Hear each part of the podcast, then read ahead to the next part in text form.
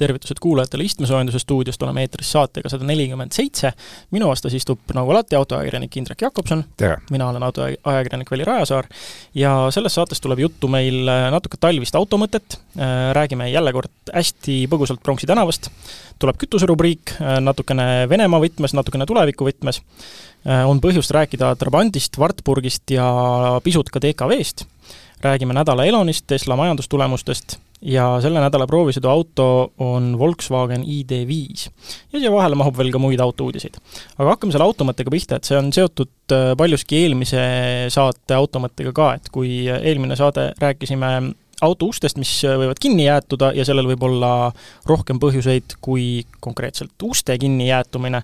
siis ähm, mida, mida üldse teha, kui ikkagi tuleb välja, et ei ole mitte tegu tühjaks saanud puldiakuga või patareiga, vaid uksed ongi kinni külmunud et seal on äh, ju, mis seal muud olla saab üldiselt, kui see, et tihendid on kinni jäetunud või äh, näiteks äh, lukuauk, võti ei lähe enam lukuauku. et need on nagu need põhilised asjad, mis mul pähe tulevad, ma ei tea, kas sul tuleb veel mõni? ei, ega tegelikult rohkem väga tulla ei saagi aga kas hakkame suvest pihta või talvest? ma, ma praegu talvistes oludes räägiks ka talvest, et et äh, noh, mida mina tavaliselt teen, kui uks on kinni jäetunud, nüüd muidugi teadjamad võivad neid parandada, et kas ma teen tihenditele sellega liiga või mitte, ma ütlen ausalt, ma ei ole kunagi neid tihendeid määrinud, nagu soovitatakse, et noh, küll räägitakse spetsiaalsetest ainetest, vanasti räägiti vist rasvast või davotist, millest iganes, siis mina ei ole neid kunagi määrinud, küll aga kui uks on kinni jäetunud ja ma olen veendunud, et uks on lukust lahti tulnud ikkagi, siis ma tavaliselt äh, mudin tihendit pehmemaks sellega, et ma vajutan ust natukene sissepoole ja siis ma õrnalt tõmban ja siis vajutan jälle sissepoole ja õrnalt tõmban iga korraga, uks tuleb aina rohkem lahti, kuni ta lõpuks siis lahti tuleb, et senimaani ma näiteks ei ole veel sulatama pidanud, mis on see on väga hea nõks. mis on muidugi ka nagu, sulatamine on ka variant ja kusjuures siin on teine asi, mis noh, millega saab sulatada, on ju, mõned veavad endale pikendusjuhtme, hakkavad fööniga üle käima, levinud on see, et võetakse toast keedetud vett kaasa, aga siinkohal ma teeksin ühe sellise kõrvalepõike, et kui väljas on miinuskraadid, siis äh, tasub meeles pidada kahte asja. esiteks, vesi ei pea olema keev, et ta juba sulataks, ja teiseks üks äh, selline teaduslik, aga loogikaga täiesti vastuolus fenomen, mida ma ütlen ausalt, ma kunagi ammu uurisin, miks see nii on ja seal oli kõik jutt erinevatest keemiliste tihendite või keemiliste sidemete pikkusest ja tugevusest, aga on ju teada, et keevvesi mingil huvitaval põhjusel jäätub kiiremini kui jahe vesi. ehk siis äh, võib-olla see keeva vee kaasavõtmine ei olegi nagu kõige targem nõks, et piisab tihti ka sellisest toasoojast veest ja tegelikult see juba töötab väga hästi sulatavalt kui mõelda nüüd sellele, mida peab auto värvkate selle juures taluma, kui väljas on näiteks miinus kümme ja sa paned sinna noh, üheksakümne kraadise vee peale, siis äh, noh, oma autoga ei tahaks seda teha, et kui minul see häda oli käes, siis ma proovisin ka üsnagi, mida väiksem temperatuuride vahe on võrreldes sellega, mis on õues ja see, mis sa sinna peale kallad, tegelikult seda paremini see autot säästab. jah, just, et see on täitsa niisugune kahekümne, kolmekümne kraadine vesi on täiesti samamoodi sulatavate featuuridega aga nüüd ütleme siis situatsioon, kus näiteks lukuauk on läbi jäätunud, seda on mul ka ette tulnud küll autolukkude puhul, küll ka igasuguste mingite tabalukkude ja asjade puhul, mis õues on, äh, nende puhul siiani võib-olla on ka õnneks läinud, ma ei tea, samas nad on nagu ikkagi sügavalt läbi jäetunud olnud, aga mina olen ikkagi saanud jagu sellest nii, et ma äh, Äh, sõrmesoojusega äh, sulatan teda ja vahepeal äh, hingan sooja õhku luku sisse ja, ja natukene niisugune, ütleme, viis minutit mässamist ja tavaliselt sellest on piisanud, et ka kõige sügavamalt läbi jäetunud lukku ikkagi võti sisse saada ja see kõik toimiks. vanasti, kui suitsetamine oli populaarsem kui praegu, siis soovitati panna võti otsapidi lukuauku, nii palju kui läheb, ja siis tulemasinaga seda võtit kuumutada võtmemetall läheb tuliseks äh, piisavalt palju, et sellega soojendada luku südamik üles. ise ei ole proovinud, aga väidetavalt, kui sellest on palju räägitud, siis sellest võib teoreetiliselt abi olla. tundub loogiline jah, välja arvatud juhul, kui sul on toreda plastikust korpusega võti näiteks, et siis on mis tänapäeval enamus on. jah, siis on äh, kadu natuke suurem aga, aga muidu jah, kui on täiesti täis, täismetallist võti, siis kõlab täiesti loogiliselt. aga ma saan aru, sa tahaksid ka suve perspektiivist natukene midagi rääkida? suve perspektiivis on see, et regerauta suvel ja uste ja võtme luku auku panemise koha pealt on suvi ikkagi õige aeg, kui need asjad ära teha. ma ise olen autodel, millel on öö, võtti võimalik lukuauku pista, eelmises saates rääkisime, kõigil seda luksust ei ole enam Äh, üks kord aastas äh, võtta õli ja õlitada korralikult ära ukselukud, noh, lasta ukseluku õli sinna sisemusse, võtit mitu korda sisse-välja, keerata, lõksutada, et näha, et see lukk tõepoolest töötab. ja see on täiesti piisav hooldus. üks kord aastas ja sul oled äh, igasuguste ootamatuste vastu kaitstud. ma ise ei teinud seda ükskord päris hea mitu aastat ja pärast pidin väga-väga kaua mässama erinevate võtetega. et see on esimene ja teine asi on see, et äh, ma ise olen kasutanud küll spetsiaalset äh, ma ei tea, kuidas on õige öelda, vaha, kreem, aine, mida siis kanda peale, mis sisaldab spetsiaalselt ongi mõeldud selleks, et uksetihendeid äh, kaitsta läbi jäätumise vastu. miks spetsiaalselt, mis selle ainuke efekt on see, et äh, nad ei määri riideid. et kui sinna igasugust õli peale panna, siis kahtlemata toime on hea, aga see õli võib jätta suuri plekke ja see ei ole üldse okei okay,, aga autopoodides on saadaval ka täiesti selliseid tuubis äh, kreeme, mis ongi mõeldud äh, just nimelt tihendite kreemitamiseks autol, et nad ei oleks sul pärast riideid märgiks ja see täitsa toimib. jällegi aga... kord suvel ära teha ja on piisav. jah, mõte, mis siit kaasa võtta, et regerauto suvel, täiesti, täiesti õige. aga järgmine asi, millest rääkida, on jälle see Pronksi tänav. sõitsid, kuidas oli? Äh, eelmisel jah, eelmisel nädalal kohe pärast saadet sõitsin, täiesti nagu Pronksi tänav nagu Pronksi tänav ikka, lihtsalt äh, üks sõidusuund on kinni, muud ei olegi, teises sõidusuunas on ütleme siis jah, mere poolt tulles on üks sõidurada vaba, lähed seal oma kolmekümnega, kõik äh, majade vahele keeramised on vabad, ähm, saab rahulikult sõita, märgid on selged, et selles mõttes nagu ei, ei saa öelda, et seal mingit segadust on, et kui ka sõidurada vahepeal kusagil nihkub äh, või diagonaalseks läheb, siis sellest saab märkida ju kenasti aru jah, et äh, tundub ka, et inimesed, kes Narva maantee poolt tulevad äh, ja kes ikka igapäevaselt seda teed sõidavad, on ära harjunud, äh, ummikuid enam eriti ei teki, no mõned üksikud võtavad vale rea, hakkavad vasakpööret tegema, peamiselt Kreutzwaldi tänavale, aga üldiselt seal on kasulik teada, et pärast Tallinna Ülikooli liiklus muutub selliseks, et ühistranspordirada ajutiselt ei ole, nii et võite julgelt esimesse ritta minna, sõita ära ja pärast uuesti vasakule tagasi ära astuda aga juba tuttava Pronksi tänava teema juurest läheme juba veelgi tuttavama kütuserubriigi juurde. ja noh, siin märkamatult nüüd on äh, hinnad äh, jah, märkamatult sosinal vaikselt äh, tõusnud. jah, tänane uudis just päeval vaatasime, hinnad üle olid täitsa meeldivalt samad, mis nädal tagasi, aga vahepeal on kaks senti bensiinile juurde tulnud ja diiselkütusele lausa viis senti. et mida sellest arvata, ega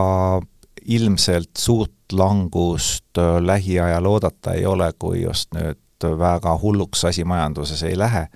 sest äh, Hiina avaneb jõudsalt ja see tähendab seda, et nad hoiavad nafta hinda piisavalt palju üleval, et ega siit enam nagu sellist ilm, ühe eurost äh, kütuse hinda lähiajal ei paista. kusjuures just eile sattus mulle kätte vanast autolehtede kuhjast eelmise aasta alguse autoleht, kus ma nägin, et oli suurelt äh, kaane peal juba pilt postist ja postil oli mingisugune niisugune üks kolm null seitse või midagi sellist. siis tundus ta väga kole et see tundus toona väga kole, aga praegu ikka heldimusega mõtlen, et oih, kui palju saaks tankida ja rohkem sõita. ja, ja kui natuke nüüd suurest poliitikast rääkida, siis esimese asjana vahepeal jõudis Venemaa kehtestada embargo kõikidele nendele riikidele, kes omakorda temale on embargo kehtestanud ehk hinnalae, nii et embargotajate embargo? jah, et eh, kui te meie käest ei osta, siis me teile ei müü kah ja ütleme kohe niimoodi välja no ja üks asi on Venemaa, aga teine asi on see, mis mõjutab meid siin Euroopa Liidus rohkem veel eh, ja siin on põhjust rääkida ka aastaarvust kaks tuhat kakskümmend seitse jah, et me oleme sellest äh, aastaarvust juba aasta aega rääkinud ja selle aastaarvuga ka meie kuulajaid hirmutanud, me lubame, et me jätkame sellega kuni kahekümne seitsmenda aastani, aga lihtsalt vahepeal tuli konkreetsust juurde, et Euroopa Liidu läbirääkijad leppisid siis omavahel kokku, et seesama heitkogustega kauplemise süsteem, ETS kaks, nagu seda kutsutakse,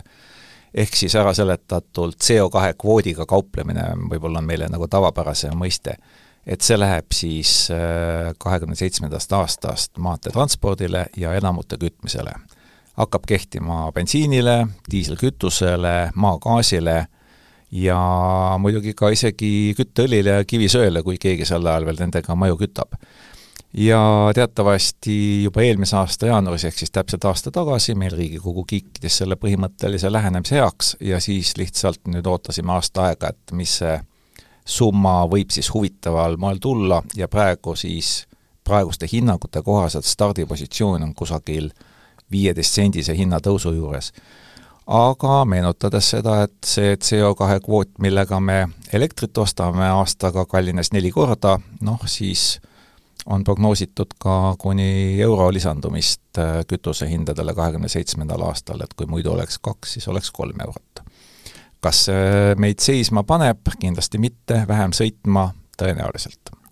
nüüd aga loodetavasti ei jäänud kellelgi märkamata, et vahepeal toimus ka aasta vahetumine ja mida see tähendab, loomulikult seda, et äh, avaldumas on üha põnevamaid eelmise aasta statistikaid. ja põhjust on kiigata muuhulgas näiteks äh, Eesti automüüki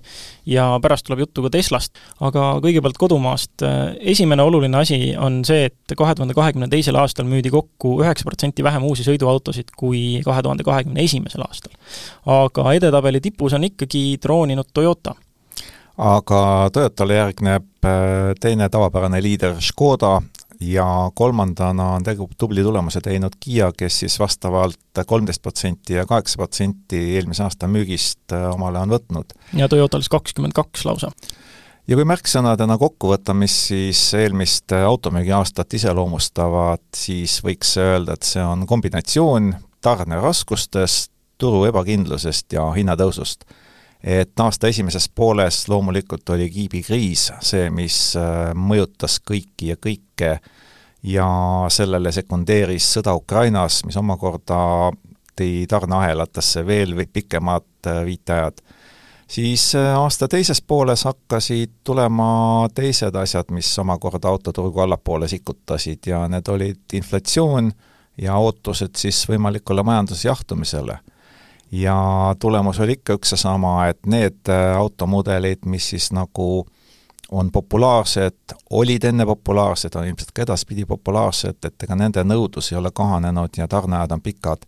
aga mõned autod, mida nagu toodetakse rohkem ja nõudlust on vähem, siis seal on juba hakkavad tarneajad normaliseeruma, et ei peagi enam aastat või isegi poolt aastat ootama ja päris paljudel tootjatel on juba viisakas laovaru tekkinud aga noh, kellel viisakat laovaru tõenäoliselt ei ole, ikka tuleb vaadata idanaabrite poole ja ka Venemaa autoturust on natuke põhjust rääkida. jah, Avtovaz, kes on jäänud Venemaal praegu sisuliselt äh, ainsana laiutama ja Hiina markidega konkureerima, siis nad on otsustanud, et nüüd äh, saavad ise hakkama, teatavasti ega neil valikut ei ole investeerivad järgmisel aastal nelikümmend miljardit rubla ja seda on kaks korda rohkem kui käesoleval aastal. noh, teatavasti oma juppide nappuse tõttu kärbiti tootmist tänavu, vabandust, nüüd juba eelmise aasta veebruaris väga hoolikalt, saadeti palju inimesi küll sundpuhkusele, küll varakule pensionile aga kui aasta täis sai, siis natukene üle kahesaja tuhande laada sai siiski toodetud. järgmise aasta plaan on juba nelisada üks tuhat kuussada autot, mis on üle kahe, mis on no mitte üle kahe korra, aga peaaegu täpselt kaks korda rohkem kui tänavu vabandust, eelmine aasta jälle, aastad ja, lähevad nagu näha, siis meil, meil see aastavahetus ei ole veel päris kohale jõudnud, aga ühesõnaga, eelmisel aastal toodeti kakssada tuhat umbes, äh, nüüd siis käesoleval, kahe tuhande kahekümne kolmandal aastal plaanitakse üle neljasaja tuhande toote. aga hüppame Venemaalt hoopis Saksamaale ja iganenud autode asemel räägime hoopiski vanadest autodest, äh, mis üha populaarsemaks muutuvad. Jah, Trabant ja Wartburg, mis on kaks automarki, mis omakorda olid Saksa Demokraatliku Vabariigi sümbolid ja kõigi nende kodanike unistused, siis äh, need kadusid pärast äh, kahe Saksamaa taasühendamist Saksamaa teedelt kiiresti, aga üllatuslikul kombel viimasel ajal on nende arv hakanud suurenema, kuigi tootmise lõpetamisest on üle kolmekümne aasta möödas. et äh, Föderaalse Autotranspordiameti andmetel on Trabantide ja Wartburgi arv juba pikemat aega kasvanud, et näiteks kahe tuhande kümnendal aastal oli veel kolmkümmend neli tuhat kaheksasada Trabanti registris, siis äh, tänavu jaanuari seisuga on neid juba kolmkümmend üheksa tuhat kolmsada nelikümmend ehk äh, ligi viiendiku võrra rohkem. ja Wartburg, mis oli juba selline tõsisem, luksuslikum Ida-Saksamaa toode, siis äh, nende arv on samamoodi kasvanud, nad ei ole loomulikult nii populaarsed kui Trabant ja väljaspool Saksamaad ka Wartburgi vähem tuntakse Trabanti ilmselt üle maailma, üle Euroopa vähemasti. aga näiteks äh, kahe tuhande kümnendal aastal oli registris seitse tuhat seitsesada Wartburgi, aga nüüdseks on neid juba kaheksa tuhat seitsesada kolmkümmend. ja lihtsalt äh, vahemärkuseks, et Wartburg on tegelikult tootmise mõttes vanem auto kui Trabant, sest Wartburgi hakati tootma tuhande üheksasaja viiekümne kuuendal aastal, aga Trabanti aasta hiljem, tuhande üheksasaja viiekümne seitsmendal aastal. Aga nüüd ma teeksin ühe väikse ajaloolise kõrvalepõike veel ja tooks sisse ka DKV, sellepärast et esimene Wartburg oli ju teatavasti DKV-lt äh, maha viksitud ja noh, DKV-st ma tahan rääkida hoopis selles kontekstis, et äh, et Indrek, ma ei tea, kas sina näiteks tead, äh, Audisid ju muudkui kritiseeritakse selles osas, et alajuhitavad, sest et mootor on väga pikk osa ajaloost või noh, enamus ajaloost on Audidel mootor olnud üle esitelje. jaa, minu isiklikul esimesel Audil oli ka mootor suhteliselt pikalt, no hea küll, ta oli esitelje kohal, aga ta oli kõvasti üle esitelje, nina oli pikk, pikk ees esitelje ja kohal. tead sa, mis selle tinginud on, kuni siiamaani? ei tea Äh, säärane lugu oligi, et DKV, äh, toona maailma suurim mootorrattatootja, otsustas teha esimese auto ja selleks võeti lihtsalt oma suurim olemasolev mootorrattamootor, keerati see teistpidi äh, ja pandi see siis esiveolise esimootorilise auto kapoti alla. Ja see oli juba sellises konfiguratsioonis, nii et ta oli üle esitelje, aga mida aeg edasi, seda noh, seda suuremaid mootoreid konkurentsi tõttu sinna panema hakati, aga konfiguratsioon jäi alati samaks ja no lõpuks järgnevalt see DKV-st äh, kasvas välja Auto Union, sealt edasi Audi, ja kogu see pärand on siiamaani tegelikult säilinud, et kogu aeg sedasama platvormi, sedasama ütleme, küsitavat disainilahendust äh, mitte siis alguses, vaid nüüdseks, kui, äh, kui Audidel on olnud ka V10-d ja V12-d ja kaks siis V12-d, see, see pärand on mõjutanud varsti sada aastat kõik kõiki äh, Audisid kuni Bentleyteni välja.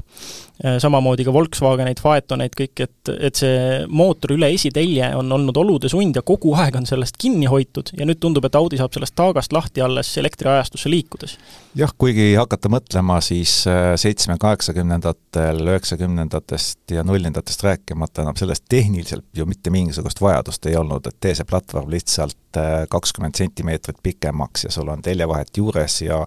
võib-olla natukene vähem alajuhitavast ka, sest kui see mootor on ikka hirmus kaugel ees, siis see tagaosa on üsna lippede ja lappede just, ei ole, ei ole vähe neid Audisid, millel on esiteljel üle kuuekümne protsendi sõiduki massist ja see loomulikult mõjutab juhitavust, et seal, sealjuures tekib nagu küsitavus, et kui räägitakse mingitest Audi sportautodest, et siis noh, ega nad sportautona väga ei ole käitunud, kui me räägime vähemasti esimootorilistest. aga lihtsalt selline huvitav sööst kiirelt ajalukku, et põhjus, miks Audid on äh, tuntud kui alajuhitavad kitsed, on DKV äh, mootorrattamootor ja DKV esimene auto. ja kui äh, teha veel sööst geograafiasse, siis kui me rääkisime Trabandist, siis Trabante toodeti Zwiskaus, see on Tšehhi piiri lähedal üks Ida-Saksa linnake ja mida seal praegu toodetakse, ei ole raske arvata, loomulikult elektrivagoone ID3, neli, viis ja nii edasi. ID5-st tuleb saate lõpupoole juttu aga vaatame vahelduseks ka Fordi ja Fordi plaane Euroopaga. õrritatakse Euroopa turule sobivat linnamaasturit. jah, Ford on rääkinud ju pikka aega, et neil on Volkswageniga koostöö, koostöö vilju ei ole siiamaani küll tänavatel näha olnud, Ford on seda suutnud suurepäraselt varjata, aga kusagil viimase kuu aja jooksul on meediasse lekkinud, nad ei ole lekkinud ega lekitatud pildid, kus Ford äh, õrritab siis oma mingisuguse äh, keskmist mõõtu crossoveriga, väidetavalt on tegemist Škoda Enyaqi klooniga, ja siis näidatakse selle üht nurka, üht tuld ja kogu lugu, keegi ei tea, mis sealt taga tegelikult tuleb, aga öeldakse, et äh, käesoleva aasta teises kvartalis võiks selle auto proovipartiisid juba täiesti ilma mingi kamuflaažita näha saada ja Fordil on ju teatavasti väga suur ambitsioon, noh, nagu ka kõigil, et olla täiesti elektriline aastaks kaks tuhat kolmkümmend viis. ja Ford on oma elektri, elektrilise gamma siis pannud paika, et tema hakkab müüma Euroopas üheksat elektrimudelit, mille kõige väiksemas öö, otsas on siis Puma loomulikult ja kõige suurem on siis E-Transit. ja noh, väiksuse osas siis kahte järgmist ongi, öeldakse sportlik crossover ja äh, selline keskmist mõõtu crossover ja siis Mustang Mach-E on juba suuremat sorti auto selle jaoks. ja nüüd on ka natuke spekuleeritud, et mis selle uue auto nimeks võib saada ja üks ettepanek ongi see, et äh, vähemasti asjaga kursis olevad allikad arvavad, et Ford Explorer Sport võib olla siis selle meile nurga otsast näidatud auto uue mudeli nimi. Mis saab olema, ma arvan, ei ole kaua enam jäänud oodata. Nüüd aga natukene kurvem teema, selleks on nädala kadunuke ja selleks on sel korral mitte mudel, mitte lennuk, vaid äh, paraku inimene, ja tal on olnud ka seost siin nii varem mainitud Fordi kui ka Audiga, et äh, täna, kolmanda jaanuari hommikupoolikul äh, avalikustati, et mootorsaani õnnetuses hukkus viiekümne viie aastaselt Ken Block üle maailma, no ütleme, ta on, ma arvan, et kõige, ta oli kõige mõjukam rallistaar üle maailma, sest kusjuures ta ei ole kunagi ajaloos võitnud ühtegi WRC etappi. kusjuures ei ole, aga ta on osalenud WRC-s, rallikarjäär algas kahe tuhande viiendal aastal, aga millega ta tõesti väga palju kuulsust kogus, äh, noh, äh, Ameerikas ralli edu oli tal väga suur, aga kuulsust kogus ta ju Gymkhana seeria videotega, kõik need trikisõidu videod ja ta äh, põhimõtteliselt ainuisikuliselt, ütleme siis noh, oma meeskonnaga redefineeris selle, kuidas turundada mootorisporti sporti ja erinevaid sellega seotud ettevõtmisi. et selle koha pealt täielik visionäär, äh, sidus oma mootorispordi kire äh, oma brändiga DC Shoes ja, ja tegi neid sadu miljoneid kordi vaadatud Gymkhana videoid praegusest selles seerias on vist mingisugune kolmteist, neliteist, viisteist videot, midagi sinnakanti. küll alustas Subaruga, siis hakkas juba Fordiga koostöös tegema väga selliseid üle võlli äh, autoprojekte just nende Gymkhana videoseeriate erinevate trikkisõitude jaoks äh, küll oli tal vahepeal koostöö Porschega, äh, hiljuti juba Audiga ja plaan oli siis minna Electric-Hana teed, ehk siis Audi Audi S1 Quattro põhjal või sellest inspireeritud elektrilise jõhkra masinaga, sellest ka esimene seeria, esimene selle video,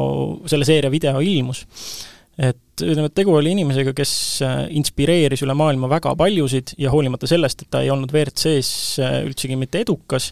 siis tõenäoliselt on äh, ainuüksi sotsiaalmeedia ja lihtsalt tuntuse pinnalt ikkagi tegu maailma tõesti ühega suurimatest rallistaaridest. et selline kurb uudis täna hommikul tuli, aga samas jällegi ma usun, et äh, sellise inimese jaoks, kelle soontes äh, voolab äh, bensiini ohtrates kogustes, ega ta tõenäoliselt ei oleks ka ise tahtnud kusagil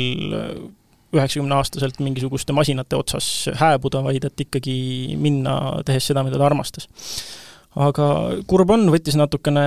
jalust nõrgaks hommikul, see tundus alguses nagu mingisugune pilauudis, aga näed, juhtub. et noh, mida siit öelda, kuramus ärge, ärge minge sinna lume peale, halvad asjad juhtuvad, vaatame või Michal Schumacherit. jah, ja äh, see kurbloolisus on veel selles, et äh, ta läks tegelikult äh, Motosaani retkele koos suurema seltskonnaga, neid oli ekspeditsioon, ta jäi sellest maha ja see, kuidas ta surma sai, see juhtus siis, kui ta oli täiesti üksi ehk teistest eraldi. ehk et äh, raske öelda, kas oleks võinud midagi päästa, oleks-poleks, aga praegusel hetkel ei ole muud kui rahu tema põrmule.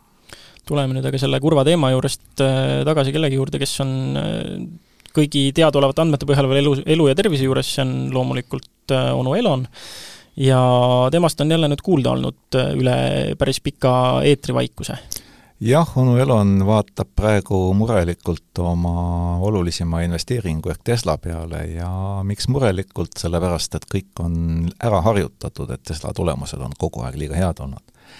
Ja kui me rääkisime hiljuti, et onu Elon ei ole enam maailma rikkaim inimene ja see on üks väheseid uudiseid, millest ta ei tweetinud,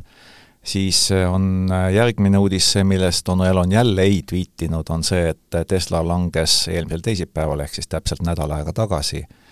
turukapitalisatsiooni järgi USA kümne parima ettevõtte hulgast välja, et ühel kauplemispäeval langesid aktsiad üle üheteist protsendi ja aasta kokkuvõte peaaegu kolmveerand ehk siis seitsekümmend kolm protsenti aktsiahinna langust eelmise aasta jooksul. Noh, arusaadavalt need uudised äh, Elonile ei meeldi ja eks probleemid tegelikult jätkuvad ilmselt ka käesoleval aastal, sest äh, oodata on suuremat sorti tootmispausi Hiinas ja ega ka teiste Hiina tootjatel väljavaated väga head ei ole. aga muidugi võib ka seda kõike lihtsalt vaadata sellest vaatenurgast, et mull hakkab natukene tühjaks visisema, et liiga palju oli õhku sees. Aga mis on teada, on nüüd kahe tuhande kahekümne teise aasta neljanda kvartali tarnetulemused. et nelisada viis tuhat kakssada seitsekümmend kaheksa Tesla autot äh, toimetati kohale uutele omanikele ja kokku toodeti neljandas kvartalis äh, peaaegu nelisada nelikümmend tuhat. ja aasta peale teeb see siis kokku, et äh, klientidele anti üle üks koma kolmkümmend üks miljonit autot ja toodeti siis kokku üks koma kolmkümmend seitse miljonit autot. Väike võrdlus äh, eelmise aasta, vabandust, siis nüüd juba üle-eelmise aasta ehk kahekümne esimese aasta neljandas kvartalis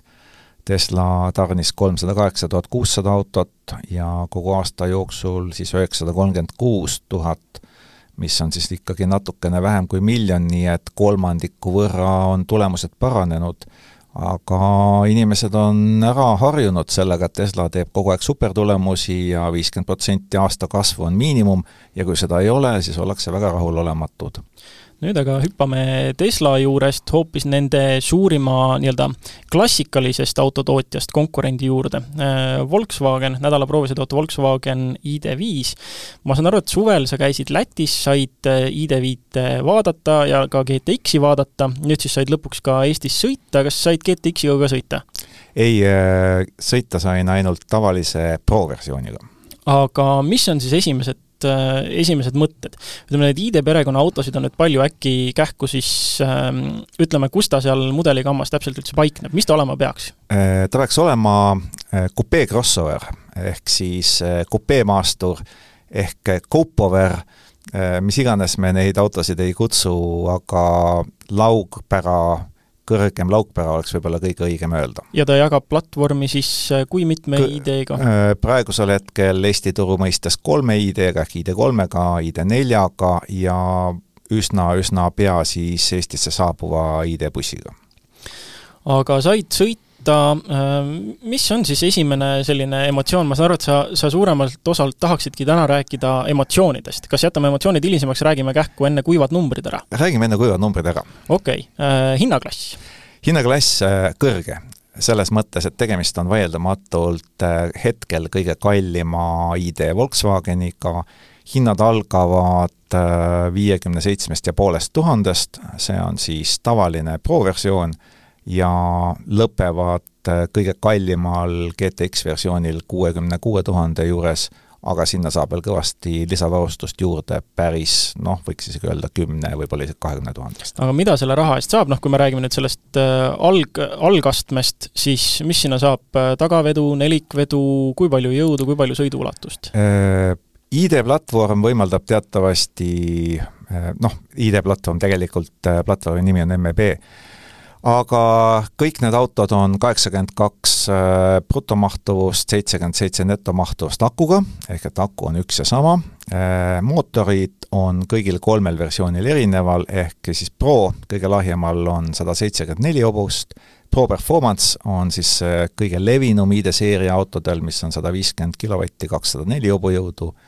ja GTX, mis on siis nelikveoline, kakssada kakskümmend kilovatti, kolmsada hobujõudu ja kui palju selle seitsmekümne seitsme kilovatt-tunnise akuga peaks saama sõita eriversioonidel, mis see kõige pikema sõiduulatusega on äh,? paberiette järgi kõige pikem on sel samal Pro versioonil või Pro Performance'il viissada nelikümmend neli kilomeetrit, aga äh, ütleme otse meie kuulajatele, ärge palun sellest numbrist unistage. et äh, mina sain sõidu ulatuseks talvel, praegu aknast välja vaadates, temperatuurid olid niimoodi nulli ümber kolmsada tubli pluss, ütleme nii, kolmsada viiskümmend kilomeetrit on reaalne sõiduulatus, millega saab sellise auto puhul arvestada. ja see on siis segatud sõit, see ei ole enda konditsioneerist ilma jätmine? ei, see on midagi. mugav sõitmine selles mõttes, et sa paned auto eelnevalt sooja, sa kasutad istmesoojendust, roolisoojendust, esiklaasi soojendust, sa oled mugavalt soojas autos, sa ei pea järele andma kusagil ega millegis ja laadimiskiirus? laadimiskiirus on nüüd kahel versioonil natukene erinev, et äh, kui tavapärane ID-platvorm, MEB platvorm, võimaldas siiamaani saja kahekümne viie kilovatist äh, laadimiskiirust, siis ID-l on see viidud saja kolmekümne viieni, noh, paraku mina nägin küll sellist neljakümne kanti ulatuvaid kiirusi, sest oli külm ja akud olid külmad ja kõik selline juurde kuuluv. nii et teoorias siis peaks saama ta täis laadida selline tsuti üle kolmekümne minutiga, noh, neljakümne minutiga ütleme, aga reaalsuses, no, reaalsuses siis mingi tund-poolteist ikka. no arvestame, et talv on. Talv, auto seisab külmas, kõik sellised asjad, et need on need reaalsed piirajad, mis tegelikult kõigi elektriautode puhul talvel alati juurde tulevad. et see ei ole nagu ID5 spetsiifika aga üks number veel, mis me ei ole rääkinud, mille vastu väga palju huvi tuntakse, meie isik, isiklikult nii väga huvi ei tunne, aga võib ära öelda ikka nullist sajani kiirendused. nullist sajani siis äh, kõige aeglasem versioon kümme koma neli sekundit ja kõige kiirem versioon kuus koma kolm sekundit. mis ei ole väga sportautolik, aga piisavalt kiire ja see kuus koma kolm äh, pannakse maha neljaratta vahendusel, mis tähendab seda, et see läheb ka edasi, et kui teinud kõrvale põike äh, elektrikona, kui välja tuli Hyundai Kona mm -hmm. elektriversioon. Äh, võimas mootor kerge kere peal ja üsna laisk veokontroll tähendas seda, et kui väljas oli natukene niiske, siis esirattad käisid kõigepealt pikalt ringi ja siis võttis sõidu taha. et et uuematel autodel seda muret enam õnneks ei ole. no kui sa veojõukontrolli juba mainisid, kas äh, nüüd on midagi ka paranenud selles osas, et kas, kas see on välja lülitatav või, või kas selleks peab suk-, sukelduma menüüdesse või on ikkagi Volkswagen suutnud ka teha füüsilise nupu või kuidas sellega on või kas me jõuame nüüd emotsioonide juurde? jah, võiks jõuda. jaa, nii, ühesõnaga räägime siis äh, headest või halbadest asjadest kõigepealt. no räägime head asjad enne ära. räägime head asjad ära ID5 on vaieldamatult kõige ilusam elektri Volkswagen, mis on siiani toodetud, et kui ID3 nägi ja näeb siiani pehmelt öeldes kole välja, siis ID5 on ilus. selle mõnepäevase proovisõidu jooksul õnnestus mul päris mitu korda isegi naabripoiss tuli juurde, ütles ilus auto ja läks edasi. ehk et äh, päris mitu korda kogesin inimestele selle auto disain meeldib, mulle endale ka meeldib. võib-olla ta on pisut pontsakas, võib-olla oleks natuke lendlevust vaja, aga samas eh, võrreldes teistega, nagu ma ütlen veel kord, ID-seeriast Volkswagenil on tegemist vaieldamatult kõige ilusama autoga äh, Kuidas on sõitjate ruumiga lood, erinevad materjalid, mugavus, äramahtumine esi- ja tagaistmetel? Tagaistmetel on lugu nii, et kui sa oled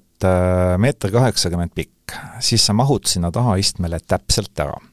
kui sa oled natukene pikem, ütleme meeter üheksakümnene mees, tema peab oma pead juba natukene kas ette, taha või külje peal hoidma, kas seal istmed ei saa nihutada ega madalamaks lasta? Eh, madalamaks ei lasta ei saa, tagaistme kõrgus on fikseeritud, äh, seal sul mingisugust võimalust mängida ei ole.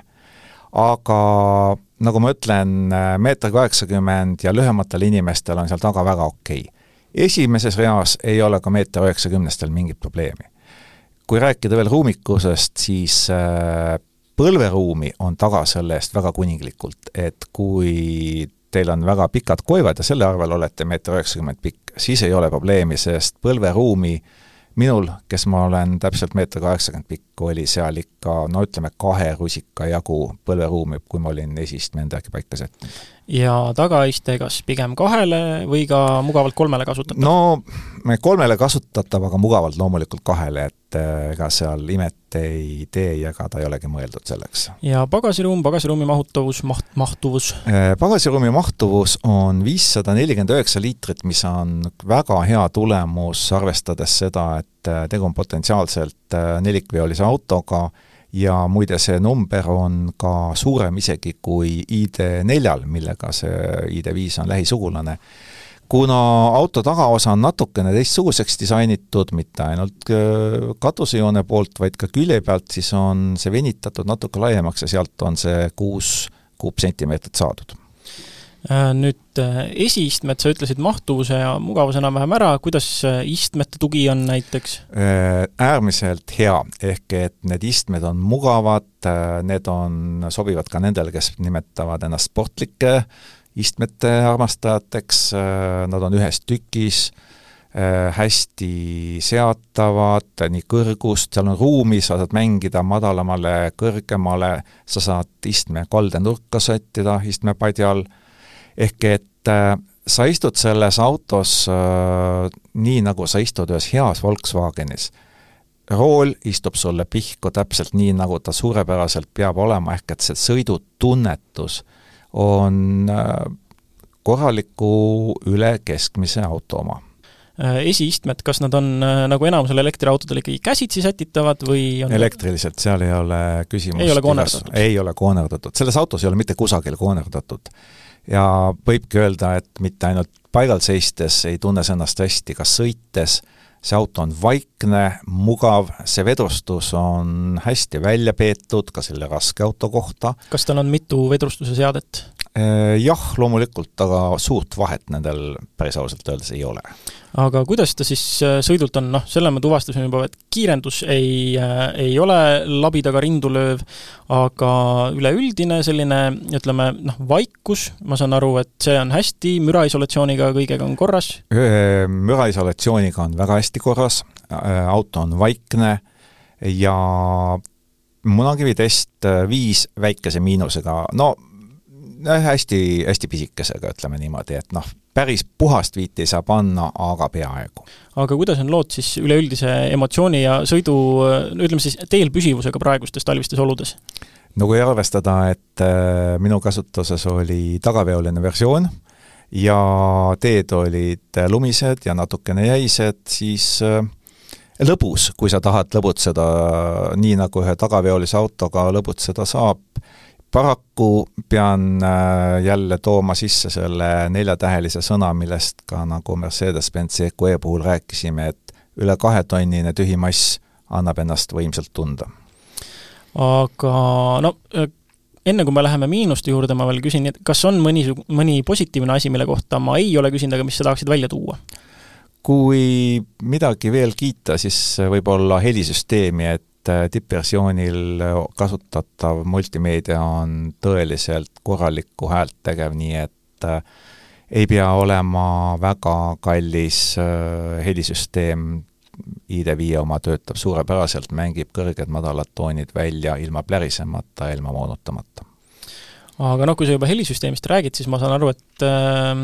enamus miinuseid on seotud üleüldise multimeediaga, ma küsiks siis kohe nii, et äh, mis selle multimeedia puhul saaks paremini? no paremini saaks hästi palju asju. Äh, kui rääkida konkreetselt multimeediasüsteemist, siis selle puhul saaks paremini seda, et äh, ta toimetaks kiiremini kui ta ükskord on toimetama hakanud, siis graafika on äh, ilus ja selge, aga kui nupule vajutades ta kõigepealt äh, käib mitu sekundit ringi ja siis ütleb küll õige vastuse, noh, see sobis mõned aastakümned tagasi, aga aastal kaks tuhat kakskümmend kolm jätab mulje, et protsessoriga on kokku hoitud. no nii et jääme siis, jääme siis ootama, millal Volkswageni tegevjuht tema antud lubaduse täidab ja multimeedia korda teeb? no see on veel väike probleem, suurem probleem on see, et sellel autol ei ole keskel ja multimeedia küljes mitte ühtegi nuppu mis tähendab seda, et näiteks helitugevuse reguleerimine või temperatuuri reguleerimine on liuguritega, mis on veel igaks juhuks jäetud valgustamata. et sa neid jumala eest ei kasutaks. aga kas, äh, kas seal mingit käežestiga juhtimist ei ole? ei, seda ta veel ei oska. häälkäsklused äkki? no häälkäsklused on tavaliselt Google'i omad, selles mõttes, et äh, neid sa eraldi auto juhtimiseks kasutada ei saa okay.. rooli peal on nupud, äh, noh, need päästavad päeva, aga need on need meeldivad haptilised nupud. ka eelmises saates sai välja toodud nende ja. miinused ja kuidas nad mõnikord vajasid lööki rooli pihta, et nad toimiksid? jah, need toimisid, aga noh, nad toimivad äh, ebamugavalt, ütleme otse, et äh, see, kõiki neid asju, mis on sellele autole juurde pandud, võiks juhtida võrratult paremini ja võrratult lihtsamalt, et kogu see süsteem, mis algab keskkonsoolis oleva ekraaniga, Äh, lõpeb kliimaseadme juhtimisega, helijuhtimisega, noh, see on äh, lihtsalt öeldes ebamugav. Aga ma saan aru, et äh, sinu parandusettepanek on suhteliselt konkreetne ja lihtne. Jaa, muidugi see ei hõlma ainult keskkonsooli, sest kui me rääkisime aasta tagasi ID4-st ja võrdlesime seda Škoda Enyaq'iga, siis äh, asi hakkas pihta sellest, et kui sa autole lähened, siis sa tahaksid võtta auto ukselingi pihku ja seda näiteks enda poole tõmmata, siis äh, ID4-l ja nüüd ka ID5-l pead sa sõrmed alla panema, proovima seda vajutada, mis on noh, millega on võimalik harjuda ja hakkama saada, aga mis ei ole mitte kusagilt otsast mugav. no ma kujutan ette, et talvel veel eriti. talvel eriti ja kinnastatud käega ütleme, ta oli mingil määral kasutatav sisemus, aga ikkagi mitte ehk et kogu see puutetundlikkus veel sealtmaalt kaotas ka suure hulga oma väga-väga vähestest väärtustest. nii et nupupaketti on vaja? nupupaketti on vaja, et miks Volkswagen ei võiks äh, korjata oma ladudest üles alles jäänud äh, füüsilised nupud, mida ta on kasutanud väga edukalt varasematel mudelitel ja noh, pakkuda kliendile, et tuhat eurot lisatasu eest äh, nupupakett, siis võib-olla veel näiteks viissada eurot ukselinkide pakett, saaks juba, saaks väga okei okay auto aga kas oli veel mõni miinus, mis sulle silma jäi või see oli kõige suurem? Need kaks olidki kõige suuremad, et kui sa oled autosse õnnestunud sisse saada ja kui sa oled suutnud kliima ja kõik muud asjad paika sättida, siis on väga-väga hea ja tuleb muidugi arvestada, et selle auto keskkonsooli ja kõikide menüüde loogika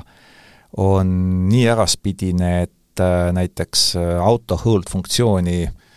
selle ülesleidmiseks kulus väga mitu päeva, sest sa ei tule lihtsalt selle peale, et sa pead seda menüüd vahepeal ka ülevalt alla sikutama, selleks et leida sealt üles ainukene nupp, mida sul vaja on.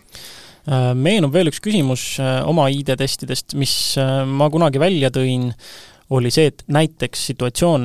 sõidad oma koju, mis on juhtumisi näiteks sissesõiduhoov on väravaga, astud korra autost välja, teed värava lahti, tuled autost tagasi, auto on end kogu täiega välja lülitanud, telefoni äh, lahti ühendanud auto küljest, kõik, kõik, kõik need sammud ära teinud, kas see on äh, ID5-s ka teema? ei, see lahti ta ei ühenda, aga mida ta oskab küll teha, on see, et kui sa astud autosse tagasi, nagu tänapäevased autod juba kõik, siis ta jätkab näiteks sinu Spotify mängimist sellesama koha pealt, kus ta enne seisma jäi. ehk et selles suhtes noh, ei olnud, ei häirinud kasutaja? ei häirinud okay., ei, selles suhtes ilusti lähened autole, tunneb su ära, paneb tuled põlema, kõige sellega saab hakkama. ja ma tahaks ka eeldada, et isegi kui see kellelegi takistuseks kujuneb, siis kusagil menüü sügavustes loodetavasti on koht, kust see ka välja võtta. aga see vist on küsimus juba esinduse inimestele, et ma saan aru, sina seda ei otsinud? mina seda ei otsinud. ja küsimus, mis alguses õhku jäi, kas kusagil seal menüü sügavustes on ikkagi ka veojõu kontroll või seda jätkuvalt ei saa välja lülitada? minule see nupp silma ei jäänud, aga võib-olla on see nii hästi ära peidetud, et seda ei ole võimalik üles leida. nii et kokkuvõtvalt siis äh, Volkswagen ID5, ilus, sõidab hästi, vaikne äh, ja kõigis asjades äh, mõistlikult mugav, peale siis nupupuudulikkuse. peale liigse puutetundlikkuse ja selline saigi meie esimene kahe tuhande kahekümne kolmanda aasta saade, järjekorranumbriks on nelikümmend seitse. loodetavasti kuulate meid ka järgmisel korral. Kuulmiseni!